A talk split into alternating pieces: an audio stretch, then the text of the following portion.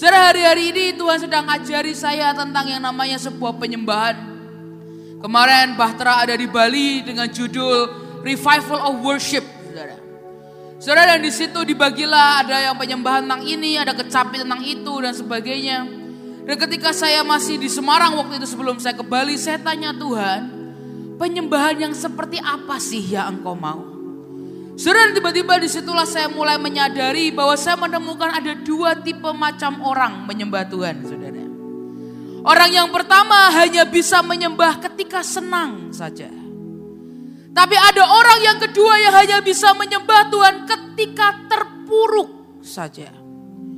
Dulu saya pikir oh orang itu bisa menyembah Tuhan ketika hanya senang-senang aja dia bisa menyembah Tuhan. Tapi ternyata enggak. Ada beberapa tipe macam orang yang saya jumpai, mereka sulit untuk menyembah Tuhan ketika mereka ada dalam keadaan terpuruk. Tapi sebaliknya juga hal yang sama. Ada orang-orang yang bisa menyembah Tuhan hanya ketika hidupnya senang, ketika hidupnya baik-baik saja, ketika hidupnya ringan tanpa beban. Seringan itu pun juga dia angkat tangannya dan mulai menyembah Tuhan. Saudara tapi dari antara kedua macam ini lebih banyak orang menyembah Tuhan ketika hatinya senang atau hidupnya diberkati. Seberapa kita ketika hidup kita diberkati kita akan berkata oh puji Tuhan haleluya dan kita mulai sembah Tuhan. Tapi detik ketika kita mengalami masalah, detik di mana kita mengalami badai, detik di mana kita ada di lembah, kita menjadi orang yang sangat mudah berkata menyembah Tuhan pun aku tidak mau. Saudara, ada seorang terkenal sebagai penyembah yang paling luar biasa di zamannya, yaitu Daud, saudara. Semua orang yang berkata penyembah paling hebat di Alkitab siapa orang yang berkata? Daud. Saudara, tapi pernahkah kau mengerti hidup Daud tidak pernah mulus? Hidup Daud pernah di atas dan dia pernah di bawah. Hidup dia pernah ada di gunung dan hidup dia pernah ada di lembah. Tapi bukankah firman Tuhan menyatakan dia tidak pernah berhenti bermasmur untuk Tuhannya. Dan hari itu Daud berbuat dosa. Dan hari itu Tuhan harus mengambil anaknya yang sulung. Dan Daud berdoa, Daud bergulat dengan Tuhan selama tujuh hari. Daud memohon ke Tuhan, Daud tidak mandi, Daud tidak makan. Daud berguling-guling di tanah, dia sembah Tuhan. Dan dia memohon untuk bukan Tuhan mengampuni dosanya. Bukan untuk Tuhan tidak menghapus dosanya, bukan. Tapi dia minta untuk apa Tuhan mengampuni dan spare his son, saudara. Dia ingin supaya Tuhan menyayangkan nyawa anaknya. Dia tidak berdoa untuk hukuman dirinya sendiri karena bukan cuma hukuman itu, saudara. Kalau saudara baca di firman, di kisah Daud, hukuman Daud berzina itu bukan cuma Tuhan mengambil anaknya yang sulung, saudara. Bahkan firman Tuhan berkata, istrimu akan kuberikan kepada orang lain dan sebagainya. Tapi hari itu yang Daud doakan bukan bagaimana Tuhan hapus hukumanku. Karena itu adalah pertobatan yang sejati, saudara. Hari ini ketika orang bertobat karena orang berkata aku tidak mau terima hukuman. Orang bertobat karena aku takut dihukum Tuhan. Tapi hari itu Daud menunjukkan sebuah pertobatan yang sejati. Dia tidak minta untuk Tuhan hapus hukumannya. Tapi yang Daud minta Tuhan menyayangkan nyawa anak yang tidak bersalah ini. Selama tujuh hari Daud berguling ke kanan dan ke kiri. Dia di kotoran, dia begitu kotor dan dia sembah Tuhan. Tapi di hari yang ketujuh, Daud mendapat kabar bahwa anaknya sudah dibawa pulang Tuhan. Saudara hari itu apa yang Daud lakukan? Daud berdiri, Daud keluar, Daud mandi dan dia makan. Dan setelah dia makan apa yang Daud lakukan? Daud kembali menyembah kepada Tuhan. Saudara, itu bukan hal yang mudah. Bagaimana bisa kita menyembah dia yang mengambil anak kita sendiri. Bagaimana mungkin kita bisa menyembah dia yang tidak memberi apa yang kita inginkan. Saudara, saya tahu rasanya ketika Tuhan tidak memberi apa yang saya mau. Saya tahu rasanya ketika seakan-akan Tuhan tidak menjawab doa saya.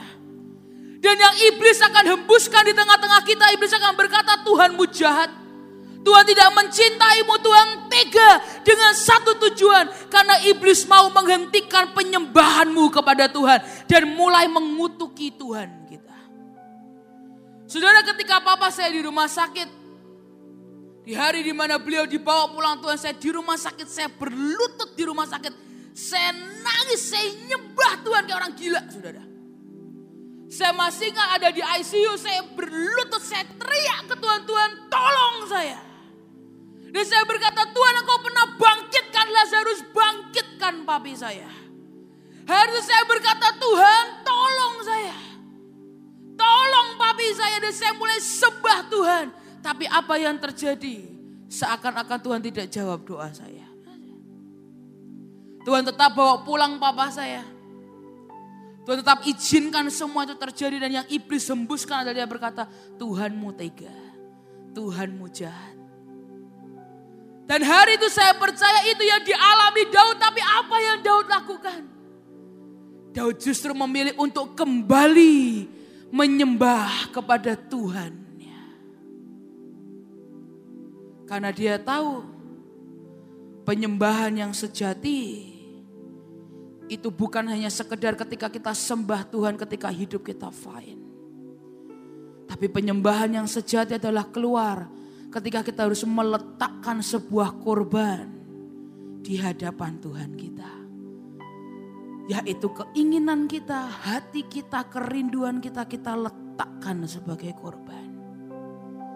Kata worship pertama kali muncul adalah ketika Abraham menyerahkan Ishak kepada Tuhan. Worship tidak pernah muncul hanya ketika semua oke, okay, semua baik. Tapi kata worship pertama kali itu keluar ketika Abraham memberikan Ishak kepada Tuhannya. Sebuah apa? Korban. Saudara. hari itu saya masih ingat ketika hari-hari di mana papa saya dibawa pulang Tuhan. Saya punya seribu macam alasan untuk saya mengutuki Tuhan saya. Saya punya seribu macam alasan untuk tidak menyembah kepada Tuhan. Tapi hari itu saya mengucap syukur sekali lagi roh kudus bekerja dalam hidup saya dan dia ingatkan saya akan kisah Daud. Bagaimana hari itu Tuhan pun tidak menjawab doa Daud. Tapi sekali lagi apa yang Daud lakukan? Daud kembali menyembah kepada Tuhan. Saudara, itu adalah reaksi yang paling ditakuti oleh iblis. Saudara sekali lagi yang iblis takutkan itu bukan sekedar saudara tiap minggu ke gereja. Yang iblis takutkan bukan sekedar saudara mungkin kelihatan rohani di awal-awal. Yang iblis takutkan itu bukan saudara kelihatan kuat ketika semua baik-baik aja. Yang iblis paling takutkan adalah ketika di titik terendahmu seperti Ayub. Dan engkau tetap berkata, aku tidak akan mengutuki Tuhanku. Yang iblis paling takutkan adalah ketika seakan-akan dunia menghantam kita dengan luar biasa. Kita tetap bangsa seperti bangsa Israel yang hari itu dia berkata, aku tidak akan menyimpang dari jalanmu. Bahkan ketika firman Tuhan berkata ketika hari itu serigala mengepung kita dan menekan kita. Aku tidak akan mengutuki dan mengingkari perjanjianku dengan engkau. Itu adalah reaksi yang paling ditakutkan oleh iblis. Karena dia tahu dia tidak bisa sentuh anak-anak Tuhan yang seperti itu. Semakin disentuh semakin kejar Tuhan. Semakin disentuh semakin gila dengan Tuhan. Dan itu yang paling ditakuti oleh iblis. Maka sekali lagi penyembahan itu bukan cuma sekedar bahasa roh dan angkat tangan. Maka definisi akan menyembah itu begitu sangat ringan tanpa bobot. Tapi penyembahan, level penyembahan terdalam adalah ketika kita menyembah di dalam rasa sakit. Ketika kita menyembah di dalam rasa kekhawatiran. Di mana kita tak menyembah Tuhan di dalam rasa kesedihan. Kenapa? Because we don't worship God because life is good. Kita nggak nyembah Tuhan karena hidup kita enak. But we worship God because He is good. Kita sembah Tuhan karena apa? Karena dia baik, saudara. Saudara kemarin, beberapa minggu yang lalu, salah seorang penari saya, Saudara dia, beliau mengalami kecelakaan, saudara. Saudara dan sedikit cerita, beliau ini sudah beristri, namanya Kohjo. Saudara beliau ini bantu saya banget di tenda lawatan. Beliau yang biasanya urus semua layout, desain layout semuanya beliau yang urus. Bahkan ketika di Solo, saudara dia bolak-balik salah tiga, Semarang salah tiga ke Solo, saudara untuk bawa angkut peralatan tenda kami. Saudara dan saya kenal dengan Kojo ini sudah bertahun-tahun lamanya. Saudara setiap fase dalam hidup saya dari saya nggak kenapa-kenapa, tiba-tiba papa saya pulang, tiba-tiba begini, begini, begini, begini. Beliau ini selalu ada dalam setiap musim dalam hidup saya dan dia tinggal di Salatiga. So, dia nggak tinggal di Semarang. Sudah dan sering kali itulah kenapa saya sering ke Salatiga, saya sering main, saya sering dolan, kami cuma makan, ngobrol aja biasa. Sudah mereka ini pasangan suami istri sudah menunggu punya anak 15 tahun. Mereka sudah menikah 17 tahun dan 15 tahun kemudian Selama menunggu Tuhan berikan anak. Anaknya baru umur satu tahun. Saudara anaknya ganteng banget. Saudara. Tapi beberapa minggu yang lalu saya dapat kabar saya lagi SHRK di Jakarta. Sudah begitu saya sampai di Jakarta saya ditelepon dia bilang Isa kojo kecelakaan. Saudara kecelakaannya saya tahu ada beberapa orang yang salah nangkep. Ada yang beritanya keseret ombak. Enggak saudara. Kecelakaan motor saudara. Beliau kecelakaan motor, saudara dan beliau terpontal cukup jauh, saudara dan koma. Dan ketika itu saudara kami berdoa, kami bergulat lima hari saudara. Waduh saudara. Saya sudah berdoa, saya sudah nangis, saya bilang Tuhan tolong Tuhan, tolong Tuhan. Anaknya masih kecil umur satu tahun saudara. Ini cuma tinggal istri, anak ini gimana Tuhan, Tuhan tolong, Tuhan tolong, Tuhan, Tuhan. Saudara setiap hari saudara kami puasa, kami doa puasa, rumah sakitnya didolingin. Waduh. Tiap hari sudah kami kirim ada beberapa orang ke sana cuma khusus untuk mendoakan. Sudah kami doakan, kami doakan. Tapi sampai kemarin ketika tanggal berapa itu ya mungkin saya lupa tanggal berapa. Beberapa minggu yang lalu saudara beliau akhirnya menghembuskan nafas yang terakhir beliau pulang ke surga. Sudah sejujurnya buat saya yang bukan keluarganya aja saya nangis berhari-hari. Saya lihat istrinya, saya lihat anaknya, tambah saya nangis. Tapi yang terlebih paling menyakitkan buat saya, saya lihat orang tuanya Kojo. Saudara saya tahu kehilangan orang tua itu berat, tapi saya tahu terlebih berat orang tua kehilangan anaknya. Saudara. Papa dari Kojo dia berkata, aku besarkan dia dari kecil sampai besar. Tapi hari ini aku harus membawa dia pulang ke surga. Saudara, tapi hari itu ketika di ibadah penghiburan. Saya yang melayani, saya duduk di pinggir di dekat peti. Di, di seberang dari peti itu papa ini datang, om ini datang. Saya tahu dia ngapain? Dia angkat tangan gini. Dan saya coba dengarkan apa yang dia, dia, dia cuma angkat tangan gini. Dan dia berkata terima kasih Tuhan. Dia nggak bisa ada yang lain, saudara. Beliau nggak ngomong yang lain, dia nggak mengeluarkan semua syair-syair, gak ada. Dia cuma berkata terima kasih Tuhan. Bahkan ketika hari itu di rumah sakit, banyak yang bersaksi. Sekali lagi Bapak ini angkat tangan dan dia cuma berkata Tuhan. Hari ini aku serahkan anakku ke dalam tanganmu.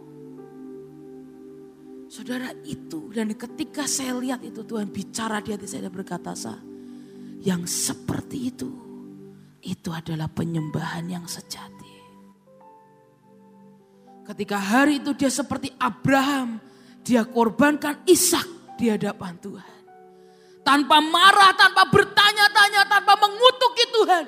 Dia serahkan Ishak kepada Tuhan. Hari itu saya lihat di depan mata saya. Seorang ayah di depan peti anaknya diangkat tangannya. Dan dia berkata terima kasih Tuhan. Terima kasih Tuhan. Saya lihat satu keluarganya. Ibunya, adik-adiknya, semua mereka angkat tangan. Di hari penguburan mereka angkat tangan dan mereka berkata, thank you Lord. Terima kasih Tuhan. Sudah sering kali kita berkata, ya akan lebih enak kalau menyembah Tuhan itu sewaktu hidup baik-baik. Memang saudara. Tapi yang Tuhan inginkan dalam hidup kita, apa pun musim dalam hidup kita. Mau kita di atas, mau kita di bawah dia, mau kita menyembah dia. Because we worship God, not because life is good. Kita menyembah Tuhan bukan karena hidup kita baik, saudara. We worship God because He is good. Sekalipun baiknya beda sama kita, saudara. Dalam kehidupan saya mungkin Tuhan berkata, nak baik kok nak. Kalau papamu dibawa pulang, meskipun buat saya kayaknya kurang baik juga loh Tuhan. Tapi itulah kita berkata cara pikir dia beda dengan cara pikir kita. Pengertiannya itu lebih luas daripada pengertian kita. Dan dia yang lebih tahu yang paling terbaik buat setiap kita. Saudara dia tidak pernah mau untuk kita mengerti akan segala sesuatunya, saudara. Karena kenyataannya ada begitu banyak dalam kehidupan kita yang menjadi misteri. Dan saudara harus bisa memberi rongga dalam kehidupanmu untuk misteri Tuhan, saudara. Karena kemuliaan Tuhan menutupi segala sesuatu. Kapan nanti ketika kita nanti diangkat di awan-awan. Baru semua itu akan terbuka. Dan kita akan tahu, oh kenapa ini terjadi, kenapa ini terjadi, dan kenapa ini terjadi. Tapi Tuhan tidak pernah suruh kita untuk mengerti apa yang terjadi. Enggak. Yang dia mau adalah kita menyembah Tuhan. Bahkan di tengah-tengah kekeosan dalam hidup kita. Yang dia mau adalah kita mengucapkan syukur di tengah-tengah kebingungan kita. Yang dia mau adalah kita menyembah dia di tengah-tengah kebingungan dalam hidup kita. Yang dia inginkan hanya satu. Adalah kita kembali percaya kepada hatinya. Dan manifestasi dari percaya kepada Tuhan adalah ketika engkau bisa keluar penyembahan yang dari hatimu, saudara. Bahkan kalau hari ini saudara hidup pada dalam pergumulan yang hebat. Hari ini saya berdoa, mari kita memilih menyembah Tuhan seperti Yosafat, saudara. Hari-hari ini begitu banyak orang ketika hidupnya sulit, mereka cari orang lain dan berharap orang lain menolong. Saudara itu saya suka kesel sama orang-orang yang kadang kepinginnya hidupnya itu ditanggung 100% oleh seseorang, saudara. Dan kadang dengan orang-orang seperti saya tanya, kamu enak kalau ada apa-apa kepinginnya ke orang lain. Kalau saya harus ke mana ya? Saya berkata. Karena sejujurnya saudara saya itu hidup, Ibu Ripka juga sama, kita semua hidup oleh karena anugerah Tuhan kok saudara. Hari ini kebutuhan saya dicukupi Tuhan itu karena apa? Pakai lutut itu loh saudara. Saya berseru ke Tuhan dan berdoa ke Tuhan. Dan di situlah kuasanya akan bekerja dengan luar biasa dan ajaib di tengah-tengah kita. Hari itu terjadi sama dengan Yosafat, dia dikepung oleh tiga suku. Bani Amon, Moab, dan orang-orang pegunungan Seir, saudara. Yosafat tahu dia tidak bisa menang melawan tiga suku ini. Tapi apa yang Yosafat lakukan dalam pergumulannya yang hebat. Dia ajak seluruh keluarganya. Kita berkata dari infants, dari bayi sampai yang paling tua. Dia ajak untuk berdiri di hadapan Tuhan. Dan apa yang mereka lakukan? Mereka menyembah Tuhan. Mereka sembah Tuhan dan mereka bertanya, Tuhan tolong kami. Dan hari itu penyertaannya turun, jaminannya turun. Yosafat memulai peperangannya dengan apa? Dia maju dengan pujian dan penyembahan. Dia sembah Tuhan, dia sembah Tuhan, dia sembah Tuhan. Dan kalau saudara perhatikan di 2 Tawarikh 20 ayat yang ke-22. Dua Tawarikh 20 ayat yang ke-22 dalam terjemahan bahasa Inggris dikatakan when they begin to shout and praise. Begitu mereka mulai berteriak dan menyembah Tuhan. Alkitab berkata the Lord suddenly attack. Tiba-tiba Tuhan bergerak. Dan tiba-tiba Tuhan membunuh semua musuh-musuhnya. Dan Alkitab kemudian berkata and they were defeated dan mereka dikalahkan. Apa yang terjadi tiga suku ini saling menyerang satu dengan yang lain. Dan ketika Yosafat tiba, Semua musuhnya sudah mati dan tinggal Yosafat menjarah. Dan saudara tahu seberapa besar pasukannya ini. Yosafat untuk menjarah aja perlu tiga hari saudara. Saya bisa membayangkan betapa besar musuh yang dihadapi oleh Yosafat. Tapi bahkan ketika dalam pergumulan yang hebat dia tahu ketika manusia tidak ada bisa menolong. Dia memutuskan untuk menyembah kepada Tuhan. Kenapa? Karena setiap kita kita dipanggil untuk sebagai penyembah. Bukan hanya cuman singer, choir maupun pemusik maupun penari. Tapi setiap kita, setiap pribadi kita, kita dipanggil sebagai penyembah-penyembah Tuhan yang luar biasa. Maka itu adalah sebuah senjata yang harus kita gunakan. Begitu dalam pergumulan yang hebat, jangan jangan cari orang lain, cari terlebih dahulu Tuhanmu. Sembah Tuhanmu, pakai lututmu berseru ke Tuhan. Dan ketika engkau memilih untuk menyembah Tuhan seperti Yosafat, kita berkata when they begin, waktu mereka mulai loh saudara. When they begin to shout and praise, begitu mereka mulai teriak dan menyembah Tuhan. Tiba-tiba kuasanya bekerja di tengah-tengah mereka. Hari ini saya berdoa. Worship when words fails you. Sembah dia ketika kata-kata mengecewakan engkau. Worship when worry finds you. Sembah dia ketika kekhawatiran ada dalam hidupmu. Worship when the world fights you. Sembah dia ketika seakan-akan dunia ini sedang melawan engkau. Karena dalam penyembahanmu kuasanya sedang bekerja dengan luar biasa dan ajaib. Dan setelah itu apa yang Yosafat alami? Setelah dia menjara tiga hari lamanya. Alkitab berkata mereka kembali dengan apa? Pujian dan penyembahan. Di lembah, di saat ketakutan mereka sembah Tuhan. Di saat kemenangan diberi, mereka tetap menyembah Tuhan. Dan ketika itu sampai hari ini di Israel masih ada tempat yang namanya lembah pujian. Karena itu adalah tempat di mana Yosafat mengalami kemenangan dan dia kembali dengan pujian dan penyembahan. Saya berdoa jangan ada di antara kita yang menyembah hanya ketika kita di lembah. Jangan ada di antara kita menyembah ketika kita ada di atas gunung. Tapi saya berdoa mau di lembah maupun di gunung. Kita akan tetap menyembah kepada Tuhan. Karena kita tahu semua yang kita terima hari ini itu mutlak karena pribadinya dan anugerahnya dalam hidup setiap kita. Dalam kehidupan saya, bahkan setiap kali saudara sesimpel saya masih diberi Tuhan kesempatan untuk menyampaikan firman Tuhan.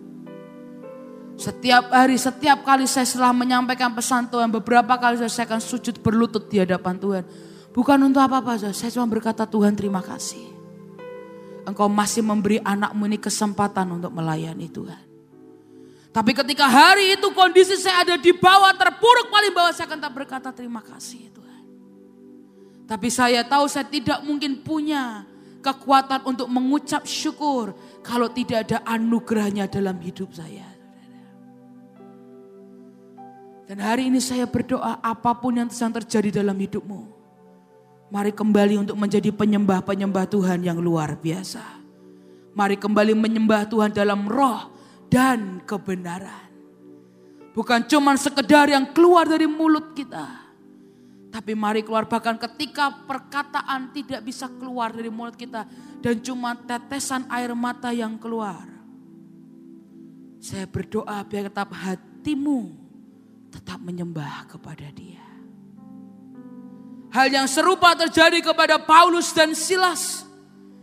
Kalau kita buka sama-sama kisah para rasul 16 ayat yang ke-25 sampai ayat yang ke-26. Kisah para rasul 16 ayat yang ke-25 sampai ayat yang ke-26. Tetapi kira-kira tengah malam Paulus dan Silas berdoa. Dan menyanyikan puji-pujian kepada Allah dan orang-orang hukuman lain mendengarkan mereka. Akan tetapi terjadilah gempa bumi yang hebat. Sehingga sendi-sendi penjara itu goyah. Dan seketika itu juga terbukalah semua pintu dan terlepaslah belenggu mereka semua. Sekali lagi firmanya berkata Paulus dan Silas ada dalam penjara. Tapi ketika dalam penjara mereka memuji Tuhan. Kuasanya itu bekerja di tengah-tengah kita. Alkitab berkata ketika mereka mulai menyembah Tuhan dan memuji Tuhan. Tiba-tiba gempa bumi terjadi dan semua sendi-sendi penjara itu goyah. Dan seketika semua pintu dan terbelenggu semuanya lepas. Hari ini saya sungguh berdoa jangan bingung ketika ada yang membelenggu dalam hidupmu. Saya berdoa jangan ada yang bingung ketika ada penjara dalam hidupmu. Apa pun belenggumu, mungkin belenggu ekonomi, kemarahan, kepahitan, iri hati, apa pun itu. Ya mungkin hari ini kau sedang ada di dalamnya. Hari ini saya berdoa. Mari memilih seperti Paulus dan Silas. Engkau tak memuji dan menyembah kepada Tuhan. Karena ketika engkau menyembah dan memuji dia. Tiba-tiba kuasanya akan bekerja di tengah-tengah kita. Dan hari ini saya berdoa engkau mau lihat kemenangan. Sembah Tuhan. Engkau mau lihat kelepasan. Sembah Tuhanmu. Dan ketika kau lakukan itu, maka engkau akan lihat penyertaannya dan kuasanya akan sempurna dalam hidupmu. Kuasanya tidak bisa ditutupi saudara. Kuasanya tidak terbatas. Kuasanya juga tidak bisa ditutupi oleh apa pun. Dan hari ini saya berdoa jangan ada yang bosan menyembah Tuhan saudara. Saudara, ada beberapa kali saya lihat orang, saudara. Bahkan ada beberapa dalam kondisi waktu itu tertentu. Ada orang pernah chat saya bilang begini, Sah, kabari aku ya kalau praise and worshipnya udah selesai. Aku cuma mau dengerin khotbahnya aja. Aku bosen dengan penyembahan, Sah. Habis-habisin kuota waktu itu pasti streaming terus, saudara ya waktu itu, saudara. Zaman-zaman pandemi, saudara. Dan bilang gini, aku gak mau boros-boros kuota, jadi aku mau cuma dengerin khotbahnya aja. Tapi kalau penyembahannya nggak usah. Ya nggak apa-apa sih saudara kalau memang kuotanya terbatas saudara ya. Tapi jangan sampai bosan dengan penyembahan itu menjadi alasannya. Awi Tozer berkata sangat bagus. Dia berkata if worship bores you. Jika penyembahan itu membosankan buat engkau then you are not ready for heaven. Dia berkata. Maka engkau nggak siap untuk surga. Kenapa? Di surga kerja kita cuma nyembah Tuhan, saudara. Jadi kalau di dunia aja kita udah bosen nyembah Tuhan. Maka dia berkata kok gak siap untuk surga. Karena di surga kerjanya adalah nyembah Tuhan. Tapi hari ini saya berdoa kita adalah penyembah. Kita dipanggil sebagai penyembah-penyembah Tuhan. Bukan cuma yang ada di depan, bukan cuma singer, bukan cuma choir, bukan cuma WL. Maupun bukan cuma penari. Tapi setiap kita, kita dipanggil untuk menjadi penyembah-penyembah Tuhan. Dan dia berkata nak penyembahan di dalam rasa kekhawatiranmu. Penyembahan di dalam rasa ketakutanmu. Bahkan di penyembahan di dalam rasa kebingunganmu. Itu adalah penyembahan yang sejati yang keluar dari hidupmu. Kenapa sekali lagi? Because we worship God Because not because life is good, but we worship God because He is good. Maka saya percaya ketika ucapan syukur itu keluar, itu akan menjadi seperti magnet yang mendatangkan mujizat terjadi di tengah-tengah kita. Mari jangan sembah dia berdasarkan perasaanmu dan kondisimu. Jangan sembah dia karena oh kayaknya aku lagi kepingin nyembah. Oh kayaknya aku lagi gak kepingin nyembah. Atau jangan sembah dia hanya karena sekedar mut-mutan kita saudara. Tapi sembah dia karena memang dia layak untuk kita sembah. Saya berdoa bangkit prayer and worship warrior. Saya berdoa bangkit para penyembah-penyembah Tuhan yang menyembah bukan hanya sekedar mood, bukan hanya sekedar ketika diberkati, bukan hanya sekedar ketika dia sedih. Tapi bangkit para penyembah yang apa pun kondisimu. Kita akan sembah Tuhan. Dan engkau akan lihat bagaimana penyertaannya dan kuasanya akan bekerja di tengah-tengah kita. Saudara dan saya teringat akan saya akan tutup dengan cerita ini saudara. Hari itu saya ngobrol dengan Bevis dan kita mulai cerita tentang apa yang kita alami lah saudara ya. Beliau kehilangan mamanya, saya kehilangan papa saya. Saudara dan Bevis ingatkan saya cerita tentang AL. Dia berkata, kamu harus ingat ya. Waktu ketika hari itu di peti mati Mami Evi, AL cuma pegang peti dan dia berkata semua baik. Dan ketika kita ngobrol dan saya berkata, Bev tapi nggak mudah ya Bev. Untuk bisa bilang begitu, iya sah. Tapi ketika kamu bisa berkata semua baik. Apa pun yang terjadi ketika kau bisa berkata semua baik. Itu adalah penyembahan yang menyenangkan hati Tuhan kita. Hari ini saya berdoa. Kau bisa lihat masalah dalam hidupmu menjadi beban. Atau kau bisa lihat masalah dalam hidupmu menjadi penyembahan yang harum di hadapan Tuhan. Itu keputusan kita saudara. Saya bisa lihat papa saya meninggal dengan menjadi sebuah beban. Atau saya bisa berkata Tuhan, biarkan ini menjadi korban yang harum di hadapanmu. Itu tergantung siapa? Tergantung kita. Saya masih ingat ketika papa saya dibawa ke depan. Digeledek saudara di Holy Stadium dibawa peti mati ke depan. Saya cuma berkata hanya ini Tuhan persembahanku.